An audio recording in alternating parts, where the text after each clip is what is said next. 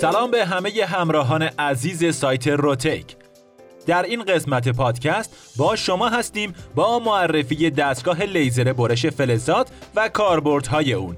با من همراه باشید.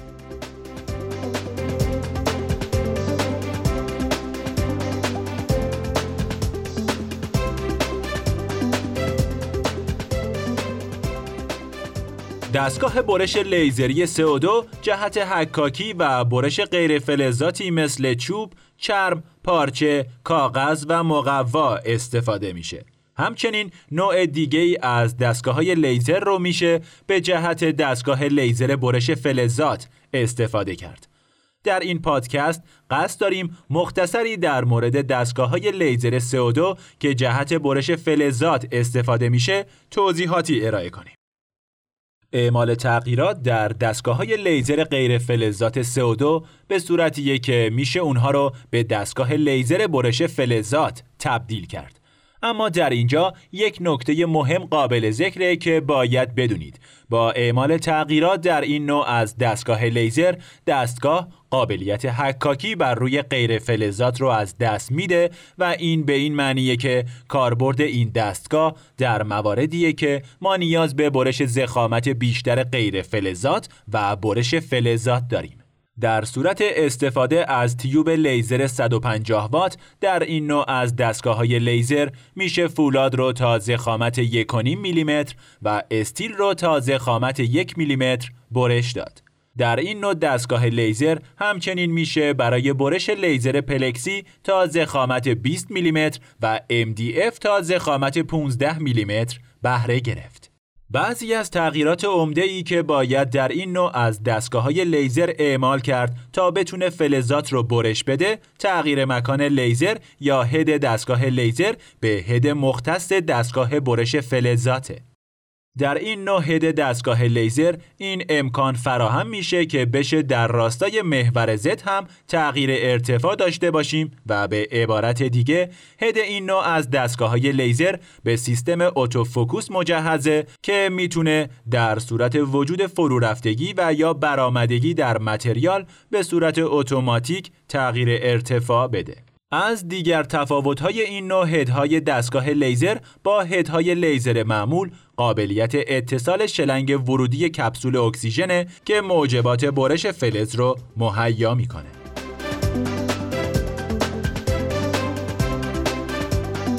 و اما لیزر fiber چگونه کار می‌کنه؟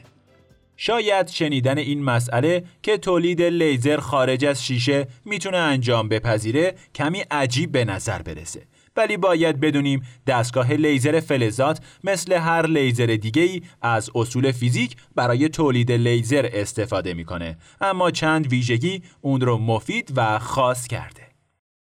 اگه به laser pointer در دستگاه لیزر دقت کرده باشید متوجه میشید که از قوانین غیر معمولی و خاصی برخورداره و تفاوتهایی با نور معمولی داره. این تفاوتها رو میشه توی این موارد خلاصه کرد. پرتوها موازیند پرتوها خارج از مسیر راست نخواهند بود. تک فرکانسند. تک رنگ هم هستند. منسجمند و همه موجها در یک زمان مشابه بالا و پایین میرند و هم فاز هستند. به عبارت دیگه پرتو همیشه در یک جهت با یک رنگ و همه فوتونها در یک مرحله هستند. در مقایسه با یک لامپ معمولی که نور از رنگهای مختلف تشکیل شده و در تمامی جهات پخش شده لیزر می‌تونه در یک قسمت تمرکز کنه. با بهرهگیری از این ویژگی اشعه لیزر بسیاری از کارها رو میشه انجام داد که از توان نور معمولی خارجه. جا داره قبل از نکات استفاده دستگاه لیزر برش فلزات کمی راجع به خود لیزر صحبت کنیم. فیزیک لیزر کلمه لیزر به Light Amplification by the Stimulated Emission of Radiation اشاره می‌کنه. قسمت اول به معنی تولید و تکثیر از یک پرتو یکسانه. چیزی شبیه به amplifier که صدا را قدرتمندتر می‌کنه.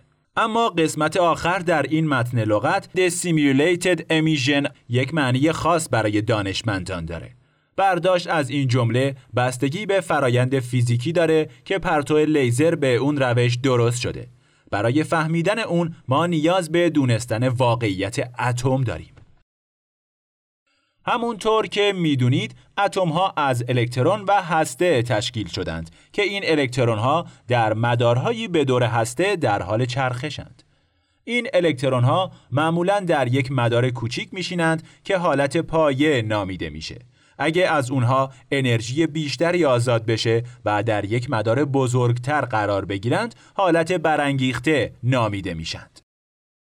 به دلایل مختلف و مرتبط با مکانیک کوانتوم در هر عنصر الکترون ها فقط در یک مدار خاص در اطراف اتم قرار می گیرند. این مدارهای خاص با توجه به خصوصیات عناصر تنظیم شدند. بنابراین به طور کلی نمیشه اونها رو تغییر داد.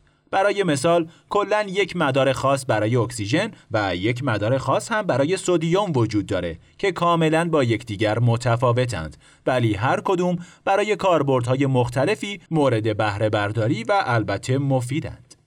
زمانی که یک الکترون در مدار بزرگتر قرار داره از وضعیت برانگیخته می‌خواد به حالت پایه برگرده که اون نزول نامیده میشه. برای این کار الکترون انرژی از دست میده که اغلب با از دست دادن یک فوتون اتفاق میافته. برای حرکت الکترون به وضعیت بالاتر همون روند در جهت عکس اتفاق میافته یعنی در اتم یک الکترون یک فوتون رو جذب می‌کنه و به سطح بالاتر حرکت می‌کنه و میل به بازگشت در حالت پایه مجددا باعث تولید فوتون میشه برای ادامه یافتن این اتفاق انرژی در اون فوتون باید با اون چیزی که به منظور بردن الکترون به مدار بالاتر مورد نیازه بیشتر باشه. اگه فوتون ها مقدار اشتباهی از انرژی داشته باشند هیچ اتفاقی نمیافته. همونطور که قبلا گفته شد مقدار انرژی فوتون مورد نیاز بستگی به مواد استفاده شده برای تولید لیزر داره.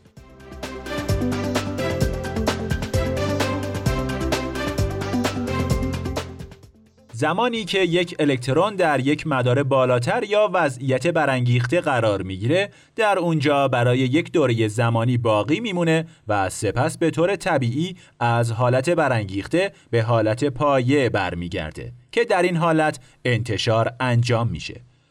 اما برای تولید لیزر به انتشار برانگیختگی نیاز داریم و این زمانی حاصل میشه که بتونیم با عبور دادن یک فوتون در نهایت به اندازه دو فوتون با فرکانس و مشخصات یکسان دست پیدا کنیم. فرکانس یا رنگ فوتون وابسته به اون مقدار انرژی که دریافت می‌کنه. اگه همه اونها انرژی مشابه بگیرند همه یک رنگ هستند و به این معنیه که همه اونها برای یک ماده خاص هستند.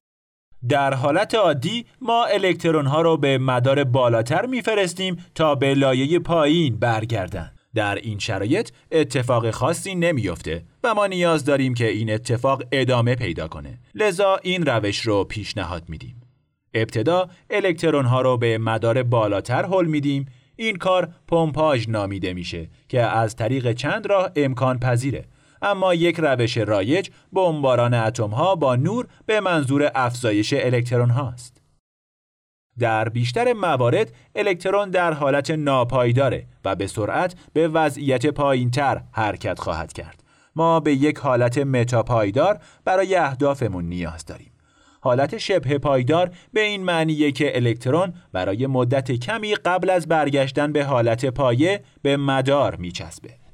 مواد لیزری یک وضعیت شبه پایدار با یک انرژی مفید دارند. در مواد لیزر بعد از اینکه الکترون ها رو به حالت بالاتر پمپ می‌کنه اونها کمی پایین تر از حالت شبه پایدار برمیگردند در این حالت ما تعداد زیادی از الکترون های معلق در هوا با میزان درستی از انرژی در حال انتظار برای دادن انرژی در قالب یک فوتون رو داریم.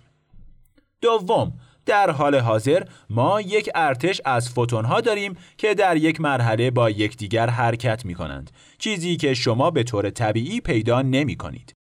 اگه در این مرحله همه فوتون ها به مواد حمله کنند به خوبی کار نمی‌کنه. ما احتیاج به پمپاژ برگشت الکترون داریم. بنابراین اتم ها آماده بیرون ریختن فوتون ها هستند و ما نیاز به نگهداری و فشرده سازی فوتون های تولید شده و تشویق به جلو رفتن اونها داریم. حتی بیشتر از اونهایی که قرار خارج شده و به عنوان لیزر استفاده بشند. ما این کار رو با قرار دادن دو آینه در هر دو انتهای مواد انجام میدیم. این کار باعث ایجاد لیزر کاویتی یا قار لیزری میشه آینه ها نور رو به پشت و جلو منعکس می کنند و در بین هر دو آینه فوتون ها بیشتر و بیشتر در حال تولیدند. در لیزرهای ساخته شده فقط مقدار فوتون مورد نیاز از یک طرف خارج میشه. بنابراین یکی از آینه ها مقداری از فوتون ها را منعکس نمی‌کنه. در عوض درصد کمی از نور از آینه خارج میشه و اون پرتو لیزر ماست.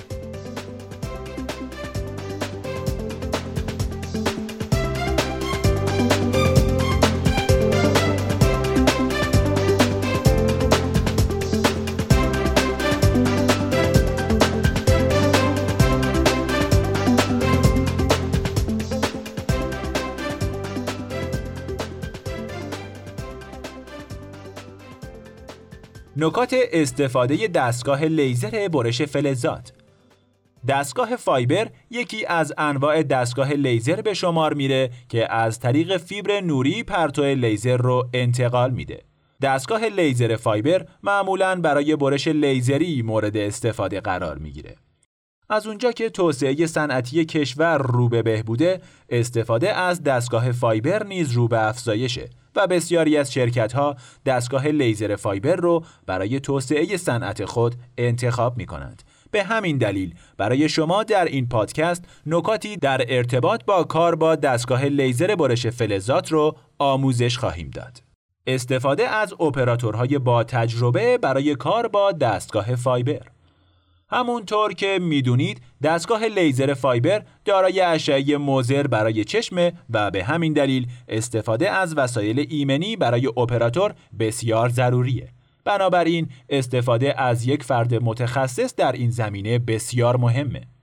اگه می‌خواید از افراد غیر حرفه‌ای و بدون تجربه کار برای کار با دستگاه لیزر فایبر خودتون استفاده کنید حتما قبل از شروع کار دوره های لازم رو برای آموزش اونها برگزار کنید.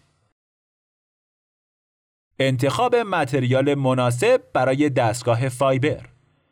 دستگاه لیزر fiber برای برش material های زیادی مورد استفاده قرار می‌گیره. اما توجه داشته باشید که این دستگاه رو نمی‌تونید برای برش هر ماده ای استفاده کنید. مثلا ورقه هایی از جنس آکریلیک و یا پلیکربنات قابل برش با دستگاه لیزر fiber نیستند. همچنین برای موادی که قابل برش با دستگاه fiber هستند باید این نکته مورد توجه قرار بگیره که نسبت به زخامت باید از توانهای متناسب در تنظیمات دستگاه لیزر فایبر استفاده کنید. از طرفی برای برش هایی با قطر متریال بالا دستگاه های لیزر انتخاب مناسبی نیستند مگه در مواردی که دقت بالایی مثلا برش دایره های کوچک با تلورانس کم مورد نیاز باشه. تهیه قطعات یدکی دستگاه لیزر fiber دستگاه لیزر fiber برای کار در طول زمان نیاز به قطعات یدکی دستگاه لیزر مثل منبع توان لیزر، head دستگاه لیزر، سیستم کنترل کننده دستگاه و غیره داره. سعی کنید همیشه بهترین ها رو برای دستگاه خودتون خریداری کنید تا بهترین کیفیت خروجی رو دریافت کنید. به طور مثال هنگامی که از قطعات اصلی استفاده بشه هنگام انجام عملیات برش مشکل خاصی نخواهید داشت و نگران قطع و وصل شدن برش کاری تغییر زخامت برش و موارد مشابه نخواهید بود و همین موضوع در طول زمان مانع از بروز خسارت و به نفع اپراتور خواهد شد. دستگاه فایبر دارای امتیازات زیادی مثل راندمان بالا، هزینه های پایین و بسرف است که همین دلایل باعث میشه که کاربرد دستگاه افزایش پیدا کنه. اما باید بدونید که دستگاه لیزر فایبر برای هر نوع برشی مناسب نیست. بنابراین قبل از شروع کار شما باید نکات امنیتی و آموزش های لازم رو در مورد دستگاه و نرم افزار ببینید که برای بالا بردن کیفیت برش با دستگاه لیزر بسیار مهم و ضروریه.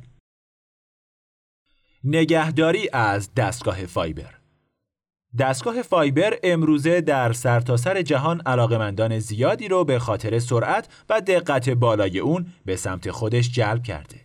قیمت دستگاه لیزر فایبر ارزون نیست و به همین دلیل در هنگام استفاده از اون باید نهایت تلاش خود رو داشته باشید تا با استفاده از روش های درست به دستگاه برش لیزری خود آسیبی وارد نکنیم. اما اینکه چطور از دستگاه fiber خود استفاده کنیم ممکنه سوال خیلی از شماها باشه. روتک در این پادکست با شما نکاتی برای استفاده درست از دستگاه fiber چه با چیلر لیزر آب و یا سیستم روغنکاری اتوماتیک رو به اشتراک می‌ذاره. نکات استفاده از دستگاه fiber با سیستم خنک کننده آبی سعی کنید همیشه از متخصصان برای نصب و نگهداری دستگاه لیزر خود استفاده کنید. در غیر این صورت ممکنه دستگاه برش و حکاکی شما دچار آتش سوزی یا اتصالی برق بشه. از نصب دستگاه فایبر خود در مکانهایی که قابل اشتعالند و یا به مواد اشتعالزا نزدیکن جدا خودداری کنید. همچنین دستگاه فایبر شما باید به درستی و در یک راستا روی زمین قرار گرفته باشه. دستگاه لیزر فایبر رو در مکانی نصب کنید که در دسترس همه نباشه و دارای تهویه هوا باشه. در فواصل معین زمانی تانک آب دستگاه رو تمیز کنید. بهتره از آب مقطر یا آب خالص در دستگاه فایبر خود استفاده کنید. کندانسور دستگاه فایبر رو با فشار قوی هوا شستشو بدید.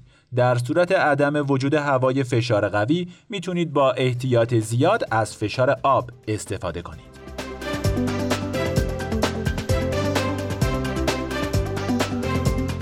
نکات استفاده از دستگاه fiber با سیستم روغنکاری اتوماتیک در دستگاه لیزر fiber فقط از روغن نو استفاده کنید. همیشه مخزن آب را تمیز نگه دارید. به صورت فصلی قطعات متحرک و مکانیکی دستگاه fiber خودتون رو روغن کاری کنید. ضربه خوردن به head دستگاه ممکنه منجر به شکستن لنز داخل اون بشه و ممکنه مجبور به تعویض کامل منبع لیزر بشید. اگه در استفاده از دستگاه فایبر خود دچار مشکل شدید و یا نیاز به اطلاعات بیشتری در این زمینه داشتید می‌تونید به راحتی با پشتیبانهای شرکت روتک تماس حاصل کنید و از راهنمایی های اونها استفاده کنید. مزیت های استفاده از دستگاه برش لیزری فلزات دستگاه برش لیزری فلزات یکی از دستگاه‌هاییه که امروزه کاربرد فراوانی پیدا کرده و به همین دلیل میشه گفت داشتن اطلاعات کافی برای استفاده از این نوع دستگاه لیزر بسیار مفیده. به چند تا از این مزیت ها اشاره می کنیم. عدم ایجاد تغییرات گرمایی به دلیل وجود اشعه لیزر بسیار کانونی دمای قطعه فلز در زمان قبل و بعد از برش ناچیزه و به این دلیل باعث حفظ خواص مکانیکی و فیزیکی قطعه فلزی برش کاری شده میشه و به همین دلیل دیگه نگرانی بابت تغییر در متریال اولیه خود نخواهید داشت. لیزر سرعت بالا سرعت بالا در برش لیزری قطعات به دلیل توان بالای لیزر در دستگاه های لیزر از دیگر مزیت های برش لیزری فلزاته. همین سرعت بالا منجر به پیشرفت روند کاری شما و جایگزین کردن راه های برش دستی با دستگاه های برش فلزات میشه. سازگاری با AutoCAD یکی از دغدغه های افرادی که در زمینه صنعت و برش فلزات فعالیت دارن اینه که چون طراحی های خود رو به کمک نرم افزار AutoCAD انجام میدند بتونن از خروجی اون به راحتی استفاده کنند. به دلیل وجود سیستم کنترل برش CNC میشه به راحتی فایل های برش که به وسیله نرم افزار AutoCAD طراحی شده رو به عنوان نقشه برش لیزری فلزات استفاده کرد. برش نقوش پیچیده از مزیت‌های مهم و کاربردی در برش لیزری فلزات توانایی برش زدن نقش‌های پیچیده روی فلز و حتی می‌تونید به راحتی نقشه دو بعدی رو نیز روی فلز برش بدید. عدم تماس فیزیکی در برش فلزات بر روی قطعه فلزی در زمان برش هیچ گونه فشاری بر روی قطعه و له شدگی در کناره های لبه هم وجود نداره و به همین دلیل از جمله مزیت های برش لیزری فلزات استفاده از همین تکنولوژی در ساخت قطعات حساسه. دقت برش لیزر دقت برش لیزری در فلزات و نسبت به زخامت قطعه بین دو صدم تا یک دهم قیمته. نمونه سازی سریع میشه گفت دستگاه لیزر یک دستگاه نمونه ساز سریعه که میشه با استفاده از تکنولوژی برش لیزری فلزات قبل از تولید بر اساس طرح گسترده قطعات نمونه اولیه اون رو با فرمت اتوکد تولید کرد. عدم نیاز به قالب برش تکنولوژی برش فلزات ما رو از استفاده از ساخت قالب‌های برش سنگین بی نیاز کرده که البته از این روش برای ساخت قطعات فلزی با تیراژهای نچندان زیاد استفاده میشه و بسیار اقتصادی تره. به دلیل این مزیت‌ها و کاربردهای مهم دستگاه‌های لیزر و حکاکی میشه گفت فروش این دستگاه بسیار زیاد شده و شاید با کمی تفکر شما هم به این نتیجه برسید که به راحتی با اضافه کردن یک دستگاه برش بتونید به کسب و کار خود رونق ببخشید. خیلی ممنون که با من همراه بودید.